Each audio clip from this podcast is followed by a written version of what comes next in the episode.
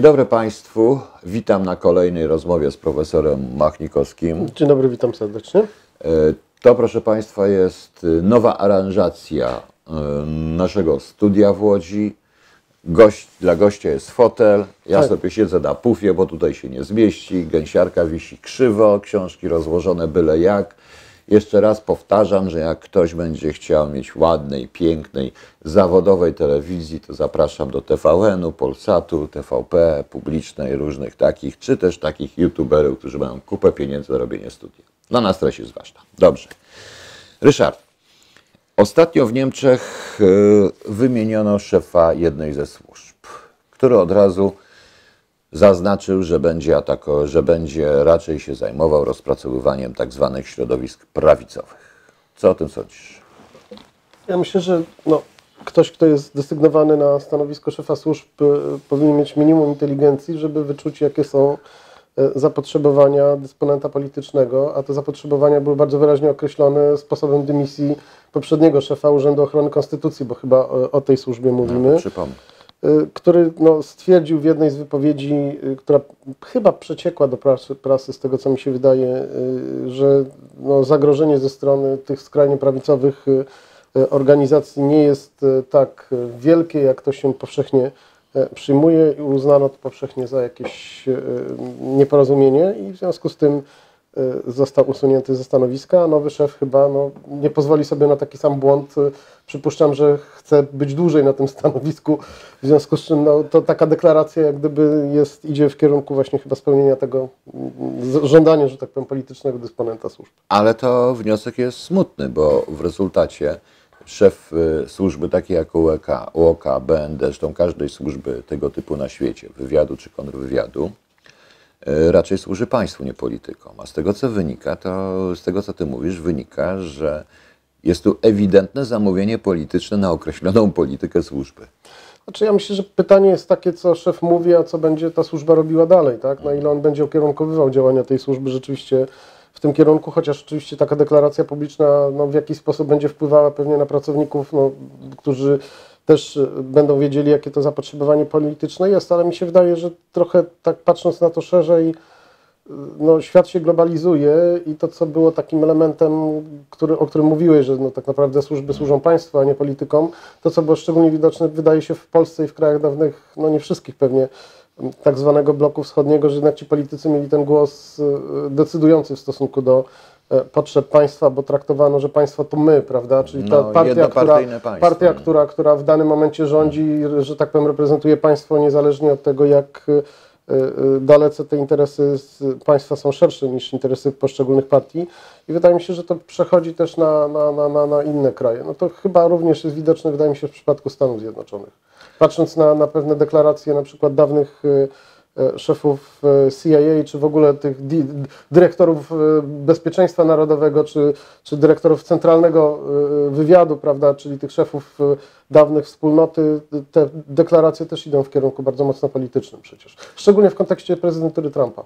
No tak, zgadzam się, tylko że jest jedno niebezpieczeństwo, że zmieni się Trump, zmieni się szef i co, zmieni się znowu polityka służb, czy jakość pracy służb? Bo zagrożenie zostanie to samo. No, zagrożenia są z grubsza mniej więcej takie same, ale wydaje mi się, że tutaj ta polityka bardzo mocno ingeruje w tej chwili w, w ten świat służb. No, myślę, że to jest po prostu nieuniknione. Świat w tym kierunku zmierza.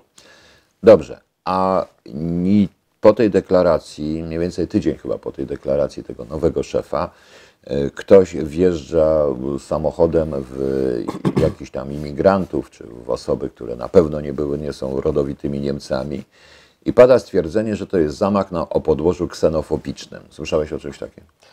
Znaczy, o tym zdarzeniu słyszałem, to też była w pewnym sensie reakcja na to, co grupa imigrantów e, bodajże w innym mieście e, robiła. Zresztą, nawiasem mówiąc, w tej chwili media niemieckie potępiają też, co, co, ciekawe.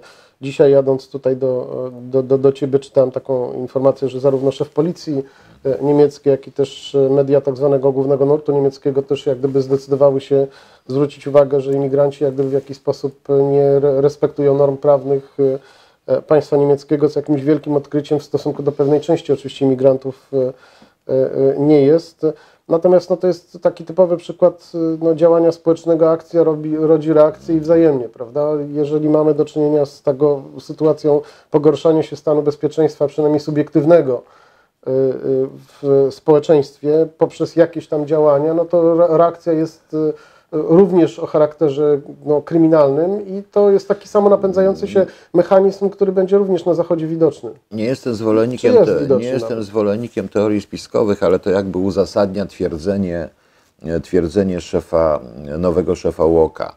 E, Zauważ, że w tym zamachu nikt nie zginął, jeżeli to był zamach. No, tam praktycznie po- potrącono trochę osób. Tak, no to jest. To, ja- jakie są tak naprawdę prawdziwe okoliczności, to prawdopodobnie tego się nigdy nie dowiemy, no bo to by wymagało jakiś tam no, pewnie upływu czasu histor- jakiegoś historycznego poza zasięg naszego e, życia. Natomiast no, dwie hipotezy można przyjąć, że jedno to było jakieś uprawdopodobnienie właśnie tych e, sugestii szefa służb, a z drugiej strony też ja bym nie wykluczył tak całkiem spontanicznego działania ludzi, którzy w jakiś sposób też reagują Nie, na to, to, to, oczywiście, sytuację. zawsze, to Także- oczywiście zawsze musi być, tylko mam takie jeszcze jedno pytanie. E, Tutaj pada słowo prawicowy ekstremizm. E, Chyba już dawno nie było zamachów w Europie o podłożu, typu, czy w ogóle na świecie o podłożu prawicowym, Znaczy- typowo prawicowym. To z, z, zależy, jak się rozumie słowo zamach, tak? No ale to, Dlatego, co że- jak oni rozumieją, tak jak oni rozumieją, wiesz, to jest grupowania nacjonalistyczne, anarchistyczne, to znaczy nawet może nie anarchistyczne, tylko no tak jak był ten, y, ty- ten słynny Ted Kukliński chyba, prawda? Czy, czy, nie, nie, Kaczyński, tak. Kaczyński, tak, Ted tak, Kaczyński, który był, w, to też uznano, że to jest prawicowy, że to jest taki typowe prawicowe, czy ten zamach na, w Oklahomie słynny, prawda, w Stanach Zjednoczonych. Tak, no jeżeli przyjmiemy, że na przykład zamach w Oklahomie jest takim benchmarkiem tego, Mhm. y, no to tego typu zamachów y, w Europie rzeczywiście chyba od lat 80., od tego zamachu w Bolonii, który też Tak. był przypisywany Mhm. skrajnie prawicy, y, nie było, dlatego że skrajna prawica, no generalnie rzecz biorąc, y, realizuje swoje cele polityczne w troszeczkę inny sposób. Nie znaczy, że się wystrzega przemocy, bo ta przemoc e, często występuje, ale no nie ma tego typu charakteru. Natomiast y, no, to jest pytanie, w jaki sposób, i to jest też ciekawy taki wątek do e, rozmowy statystyki terroryzmu na przykład, prawda? Dlatego, że jak my mamy takie, taki dokument, który się TESAT nazywa, czyli to jest takie no, roczne sprawozdanie na temat wydarzeń terrorystycznych w Europie, które co roku to są takie roczniki, które się zawsze pojawiają, no to tam jest też bardzo często pokazana statystyka, przypisuje się pewne wydarzenia o charakterze terrorystycznym, pewnym profilom ideologicznym.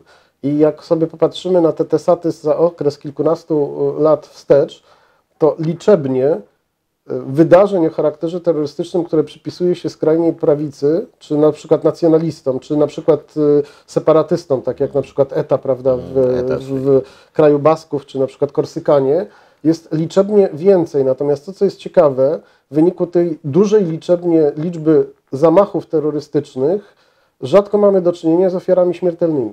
Dlatego, że ja o tym powiem, no na przykład Korsykanie, no, jest taki nu- nurt separatystyczny na Korsyce, który dąży do no, niepodległości Korsyki i oni na przykład no, obrzucają kamieniami e, posterunki policji czy No żandarmerii. tak, i to jest traktowane jako zamach. francuskiej, czy też tam nie, kiedyś była taka sytuacja, że tam w cukierku jakimś tam był jakiś taki mały ładunek wybuchowy, który gdzieś tam był podłożony. On oczywiście miał bardziej charakter petardy niż e, jakiegoś takiego rzeczywiście poważnego e, zamachu, ale to jest statystycznie traktowane jako, jako zamach terrorystyczny, podczas gdy tych zamachów o charakterze tak zwanym, te, z- nurtu dżihadystycznego, że tak powiem, jest liczebnie mniej, tylko co ciekawe, jest więcej ofiar e, śmiertelnych i rannych w wyniku tych mniejszej ilości zamachów. Także statystyka, no, no ja Nie byłem kiedyś nauczycielem statystyki, i no, zresztą mój nauczyciel statystyki mówił, że są duże kłamstwa, małe kłamstwa i statystyka, co oczywiście nie do końca musi być prawdą, bo statystyka prawidłowy sposób e, mm, że tak powiem, e, no to jest narzędzie analizy matematycznej, ale- tak? tak, ale Natomiast tego- pytanie jest, jak definiujemy No pewne właśnie, zjawisko. Ale tak? według I- tych i to kryteriów, to element. jeśli na przykład kibice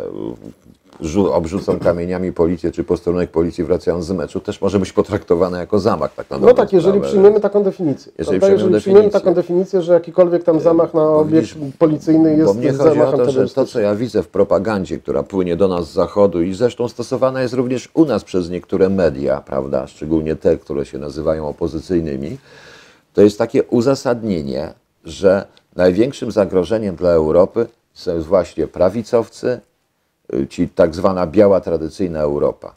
I trochę mi to wpisuje się w to, co powiedział szef tej służby nowy, bo to jest jednak oficjalna instytucja, to no, Tak. jest także instytucją, więc pokazuje oficjalną politykę rządu w tym momencie, prawda?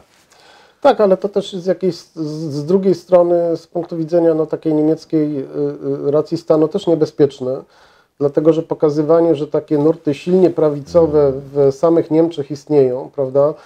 Y, Nawet wręcz się mówi o różnego rodzaju spiskach, przecież tam podawano informacje, że nawet w obrębie jednostki KSK, która jest taką jednostką specjalną wojska y, y, Bundeswehry, funkcjonował jakiś spisek terrorystyczny i o tym pisały nie tylko brukowce, ale tak zwane poważne gazety, prawda, że, mówiono wręcz o zamachu stanu, który miał być zorganizowany przez te kręgi, też propagandowo nie za dobrze to wygląda, prawda? Dlatego, że to w ten sposób, co, co z tego się dowiadujemy? No, dowiadujemy się, że w państwie, które no, wy, wydało nazizm, tak naprawdę, prawda?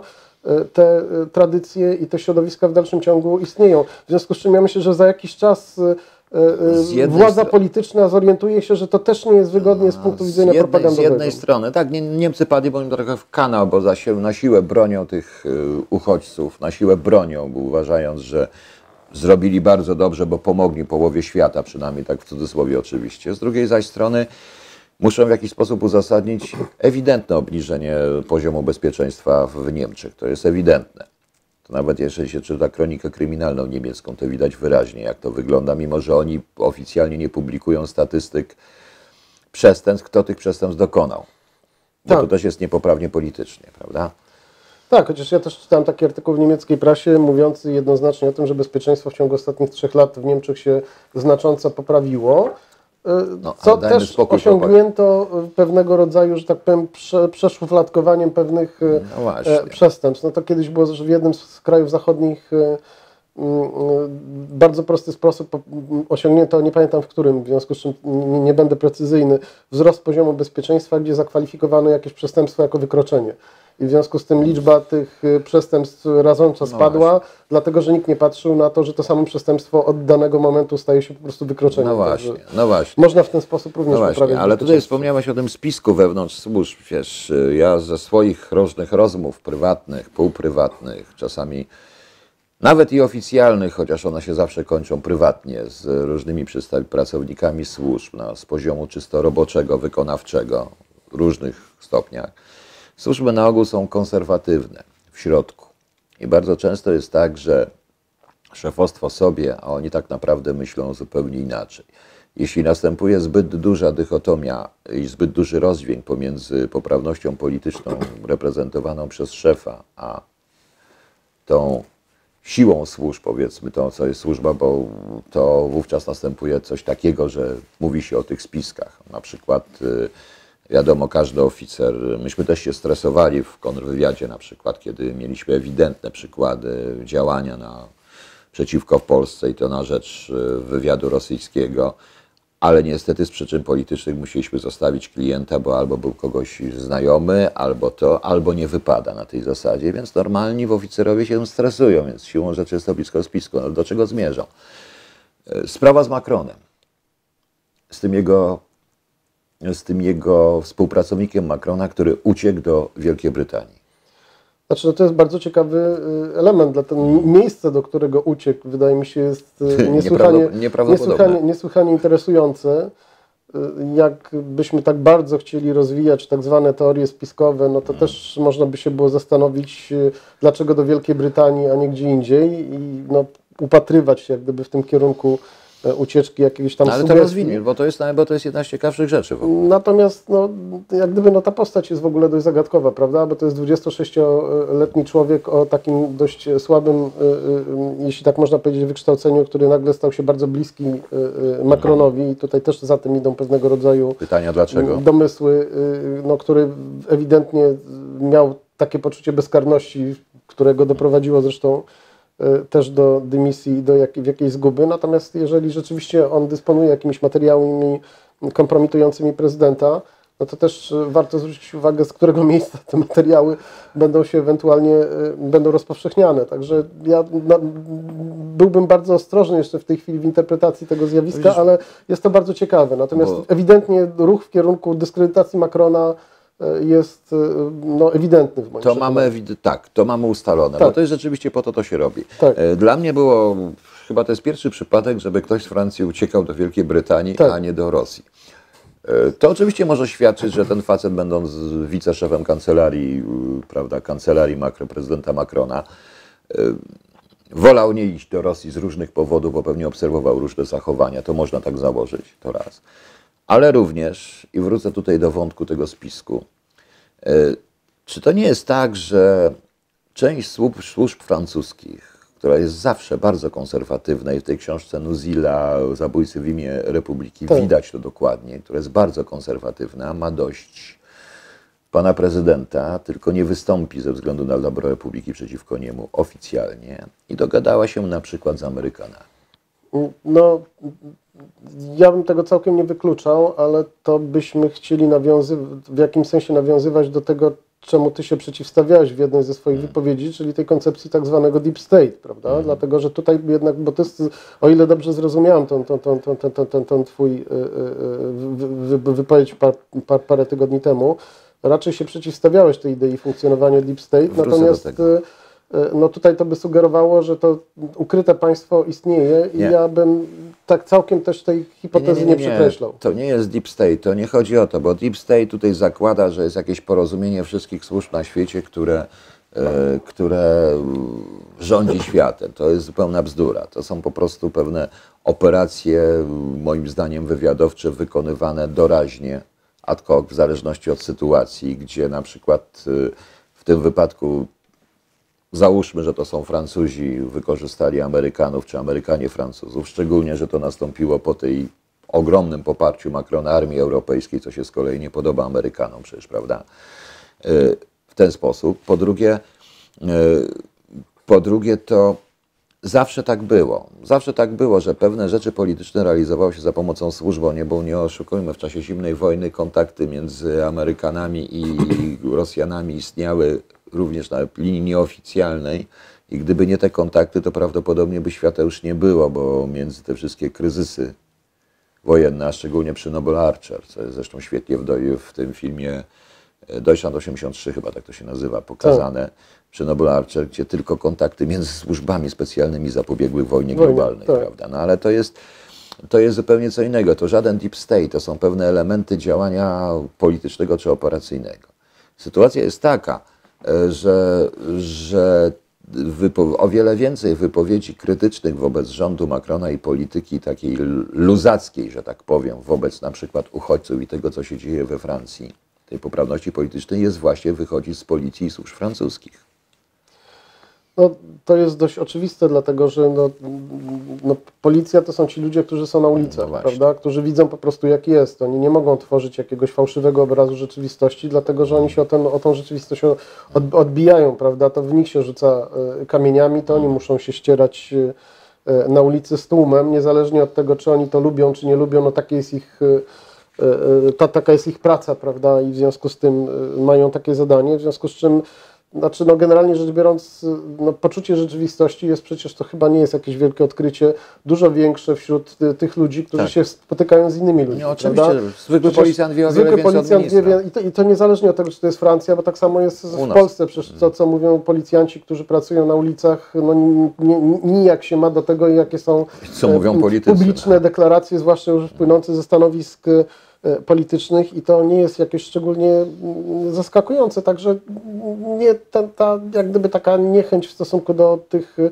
elit politycznych w kręgach ludzi, którzy, że tak powiem, mają ten kontakt z rzeczywistością i dostają, obrywają od tej rzeczywistości, prawda, bo to są no, no, ci ludzie, którzy fizycznie przyjmują przecież ciosy, prawda, albo potem są krytykowani za stosowanie To samo dotyczy e, nadmiernej kontrwywiadu czy wydziałów terrorystycznych tak. kontrwywiadzie. Także wydaje mi się, że no zawsze jest taka bariera powyżej pewnego stopnia, powyżej której jak gdyby zmienia się narracja, prawda? Ja zawsze jak też miałem okazję rozmawiać, czy to z żołnierzami, czy z policjantami, czy z pracownikami różnego rodzaju służb, niezależnie od tego w jakim kraju to miało e, miejsce, że tak powiem, do takiego stopnia majora, e, no w ten sposób, ja nie chcę Cię obrazić, bo wiem, że jesteś Nie, nie, nie. pułkownikiem, Ale, ale mniej więcej tam generalnie ten kontakt z rzeczywistością był duży, natomiast już tam, gdzie się trafiało za biurko i, Wiem, i, i się z za biurka słało raporty, No ja na szczęście było, że te, nie- ten, ta narracja się zmieniała Ja radykalnie. szczęście nie siedziałem za biurkiem, to też można czasami, są takie wypadki. E, Ale no tak to wygląda. Ta, ja tak to odbieram po prostu, że to jest pewna gra, ponieważ zdaje się, że akurat w przypadku Francji e, przekroczono pewne granice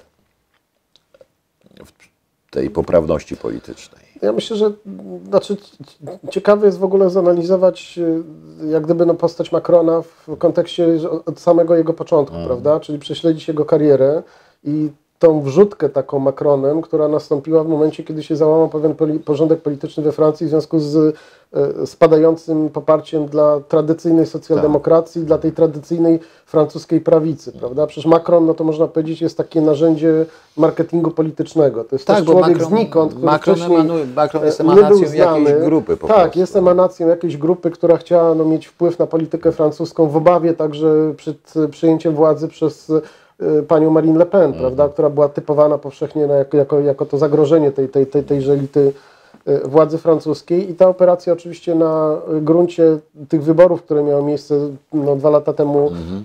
e, się powiodła, natomiast nie powiodła się jej kontynuacja i realizacja, prawda? I teraz pojawia się takie pytanie, co dalej, dlatego że makronizm został złamany przez Tak. ruch żółtych kamizelek i teraz się pojawia taka wielka niepewność, jeżeli nie Marine Le Pen, To kto? to kto? Tak. Bo już nie ma tradycyjnych e, socjalistów, nie ma tradycyjnych golistów, nie ma tej prawicy typu Sarkozy, prawda? No i nie ma Mitterranda, nie ma- nie ma, nie ma kogoś takiego nawet jak Chirac i Mitterrand, natomiast jest cały czas w ukryciu no, ten, ten, ten potwór z punktu widzenia elit francuskich e, e, narodowców z punktu spod widzenia całej. Europy. Tak, no. także- Dodatkowo dochodzi jeszcze takie bardzo dziwne bratanie się Macrona z Merkel, czyli te popieranie praktycznie bezkrytyczne właściwie. No bo to jest taka gra między Francją a Niemcami, gdzie generalnie Niemcy tak, ale- stały się no przecież od momentu zjednoczenia no, starszym bratem, tak, w stosunku do Francji. Tak, ale- Odwrotnie było jeszcze do, do roku 89 Tak, a jeszcze 90. przy wyrzuceniu Wielkiej Brytanii, bo ja cały czas Tak, uważam, że. Wielką Brytanią Tak. wyrzucono z Europy, widać wyraźnie, że Francja, że Niemcy i Francja chcą panować Europą, co chyba nie, nie spodoba się Stanom Zjednoczonym tak do końca, natomiast spodoba się Rosjanom moim skromnym zdaniem. Tak, tylko że z, z tym panowaniem też mamy problem w samych Niemczech, w związku z czym ta sytuacja w Europie jest rzeczywiście bardzo daleko, dalece niestabilna. Tak? Gdybyśmy popatrzyli na Europę 10 lat temu, to mogliśmy powiedzieć, że jakiś tam układ francusko-niemiecki rzeczywiście był, no, delikatnie mówiąc, dominujący w Europie. Natomiast to się w wyniku serii kryzysów tak zwanych europejskich, bo to się z reguły tak e, nazywa kryzysami, zaczyna walić, prawda? I ta sytuacja w Tak. Europie jest bardzo mocno niestabilna w porównaniu z tym, co było 10 lat temu. Ja zresztą, jeśli mogę jeszcze taką myśl wyrazić tutaj, korzystając z okazji, to, co się mówi o kryzysie, prawda? No bo jak, jak, jak są konferencje na temat kryzysów, tak? I w jaki sposób definiuje się kryzys? No kryzys to jest jakieś takie zjawisko nagłe, zaburzenie jakiegoś naturalnego porządku, zawalenie się porządku, jakieś zagrożenie, upadek bezpieczeństwa i tak dalej, i tak dalej. Podczas gdy ja bym chciał się odwołać do takich słów w świętej pamięci Stefana Kisielewskiego, że to nie kryzys, to rezultat. Prawda? On to tak. mówił w stosunku do komunizmu, że to wszystko, co jest, to nie jest żaden kryzys, to jest po Ko- prostu rezultat działania e, pewn, i implementowania procesów pewnych procesów no. społecznych. No, I my tak też tak uważam. naprawdę nie mamy żadnymi kryzysami, czy to finansowym, czy migracyjnym, czy terrorystycznym, tylko to jest, To jest rezultat, rezultat pewnych- pewnych... polityk, tylko nikt tego głośno nie wyeksplikuje, no bo ktoś te polityki przecież wprowadzał, oczywiście, prawda? ja mówię- ktoś jest za nie wiesz, ja odpowiedzialny. mówię Wygodniej jest powiedzieć, że nastąpił jakiś kryzys i nie wiadomo, jakie siły Marsjanie, kosmici No tak, bo to się, bo to się przerzuca rzuca Tak. się z siebie odpowiedzialność. Niż cały powiedzieć, że to jest rezultat ja cały naszych czas uważam, polityk, że to jest efekt e, długofalowej polityki leninowsko-trockistowskiej Europy, bo ja tak to nazywam, e, mówiąc e, w skrócie. Można się z tym zgadzać, nie, nie zgadzać oczywiście, to jest tego, tak sobie żart to nazywam. Natomiast tutaj dochodzimy, mówisz o niestabilnej Europie. Dobrze. Od paru tygodni, ja zauważam, właściwie to od paru miesięcy nawet, nie ma w ogóle chyba dnia, żeby ktoś nas nie straszył wojną z Rosją i w ogóle wojną.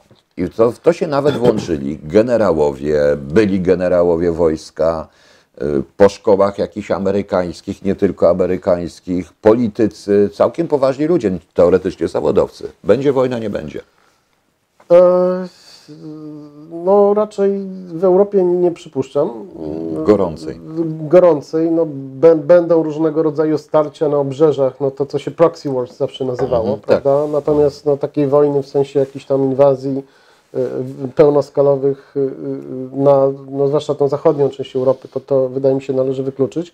Natomiast generalnie jak ja obserwuję, bo to bardzo często tak jest, że w mediach się pojawiają różnego rodzaju tego typu wrzutki tam, no to one mają bardzo oczywiście różną genezę i bardzo różne źródła, bo one czasami pochodzą ze wschodu, czasami pochodzą ze zachodu, ale oczywiście operując pewnymi hipotezami, bo generalnie też warto wyjaśnić, że no, większość z ty- tych rzeczy, które, które staram się przedstawiać, to, to są hipotezy, prawda? No bo jedna tak. osoba nie jest w stanie być we wszystkich miejscach, nie ma dostępu do wszystkich informacji, biorąc pod uwagę, że znaczna część tych informacji jest niejawnych, w związku z czym my tak naprawdę obserwujemy tylko te cienie y, jaskini, prawda?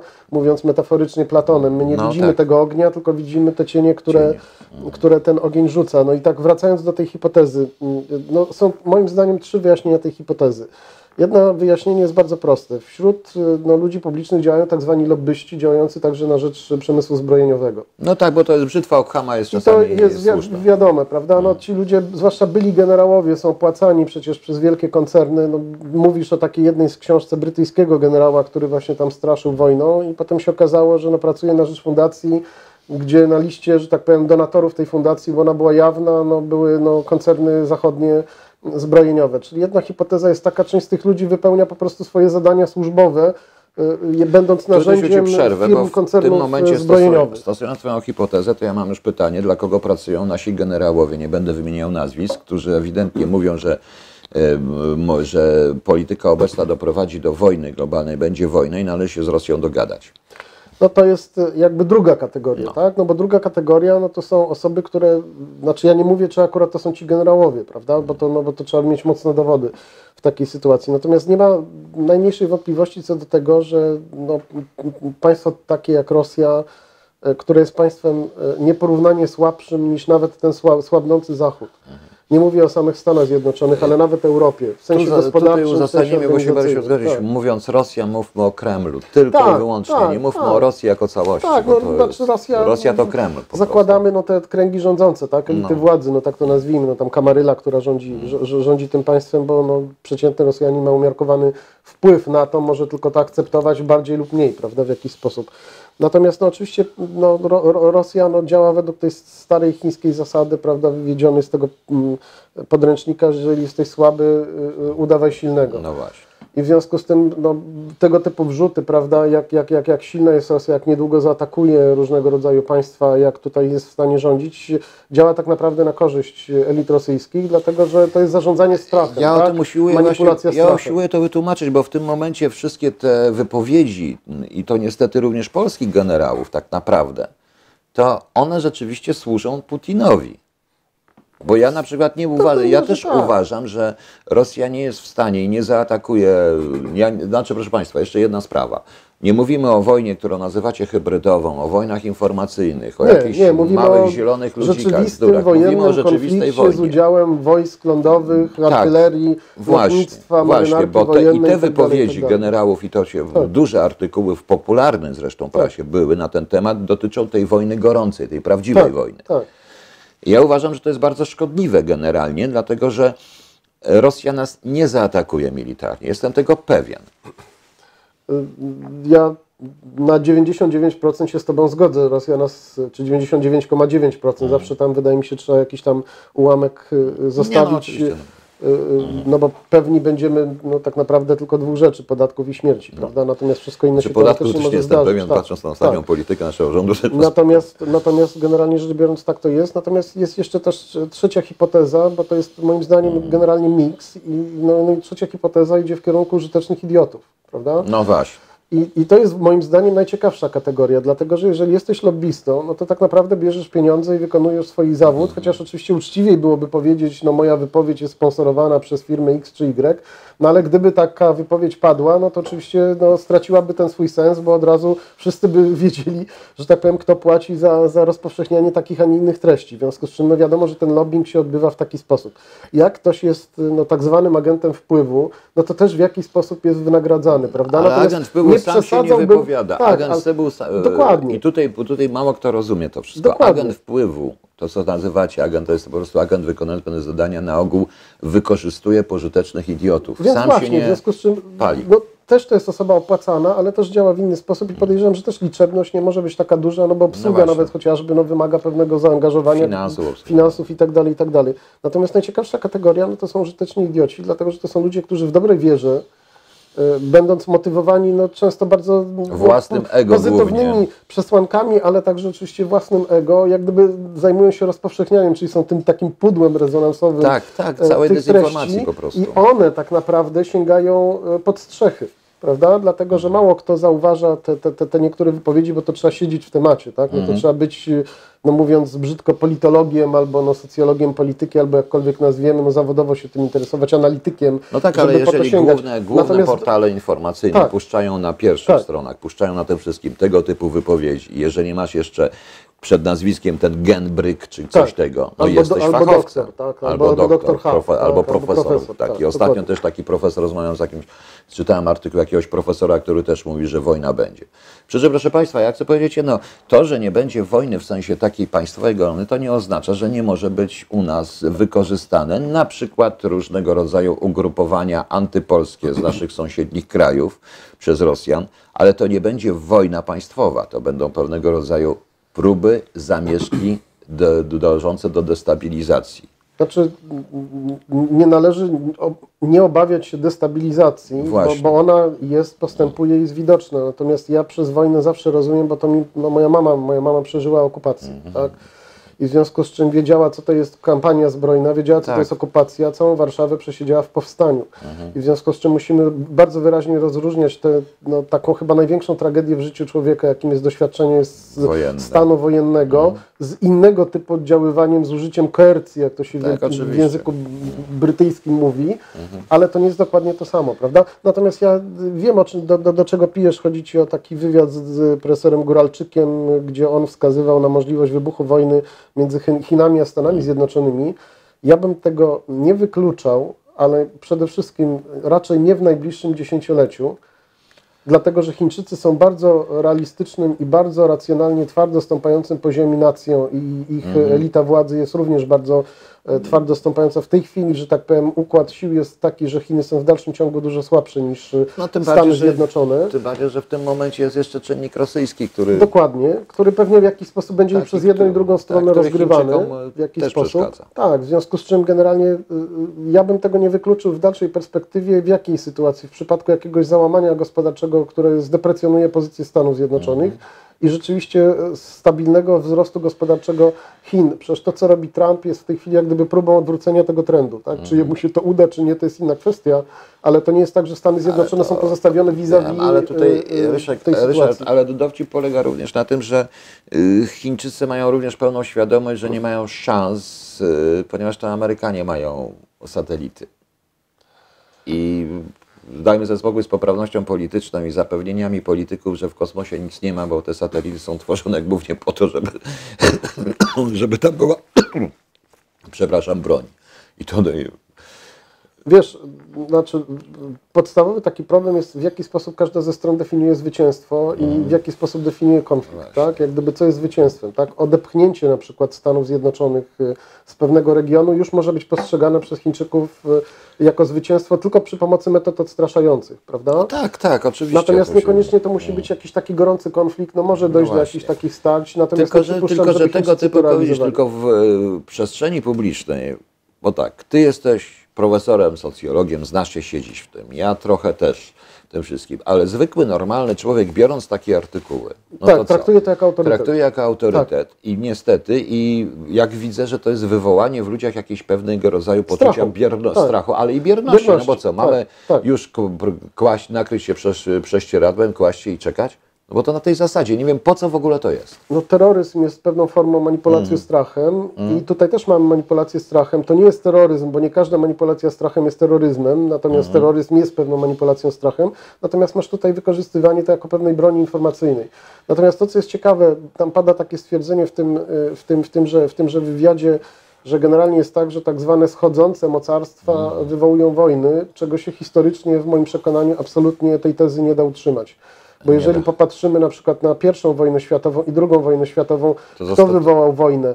Nie, wo- nie mocarstwa schodzące, czyli Tylko tej wojny przecież nie wywołała które- Wielka Brytania, No czy oczywiście. Francja, czy Rosja, tylko ten, to państwo, które wchodziło na arenę, czyli mianowicie Prusy, a potem nazistowskie Niemcy. W związku z czym sformułowanie takiej hipotezy, że Stany Zjednoczone wywołają wojnę z Chinami, bo mamy historyczne przykłady, że mocarstwa schodzące wszczynają wojnę w stosunku do wschodzących, nie ma historycznego starożytny, ale i starożytny. Rzym też Tak, to uzasadnia, bo tak. starożytny Rzym już potem nie Dokładnie. prowadził wojen Także, także tutaj sprawę. to jest też ciekawe, że też faktograficznie, jak gdyby to się kupy nie trzyma. Natomiast generalnie rzecz biorąc, no te, to, to, to, to, że tak powiem, no osoba, która jest zainteresowana historią, też jest w stanie to- zweryfikować, tak? Dla mnie zresztą jest bardzo, dla mnie zresztą jest bardzo ważną rzeczą. Znaczy jest jeden fakt. Wszystkie te wypowiedzi słyszą jednego. Dogadajmy się z Rosją. Za wszelką cenę dogadajmy się z Rosją. Jeżeli słyszę za wszelką cenę dogadajmy się z Rosją, to znaczy zgódźmy się na wszystko, co chce Putin, tak? No, tak, bo, bo ja mówię już upraszczam, po prostu to z tego mi wynika. no takie są rosyjskie warunki brzegowe, prawda? No No, my, my rozmawiamy, ale przyjmujecie nasze, nasze, No nasze, nasze, nasze postulaty. I tego typu wypowiedzi tak służą właśnie temu. Jak ktoś nie pobiera za to opłaty, No, to jest tylko i wyłącznie pożytecznym idiotą. właśnie. A nie wiem, czego się bardziej bać, agentów WW czy pożytecznych idiotów. No ja generalnie obawiam się głupoty. No. To jest najpotężniejsza, najbardziej straszliwa siła w Broń masowego w ludzkości, w związku z czym boję się, że chyba takiego spustoszenia, jaki nawet najbardziej efektywny agent wpływu nie jest w stanie, y, y, y, Właśnie. tak myślę, z takiego spustoszenia roztoczyć niż setki pożytecznych idiotów powtarzających różnego rodzaju idee. Więc toczmy, proszę Państwa, wojnę, wojnę z głupotą. Dziękuję, Rysiu. Dziękuję bardzo. Dziękuję. Do następnego razu.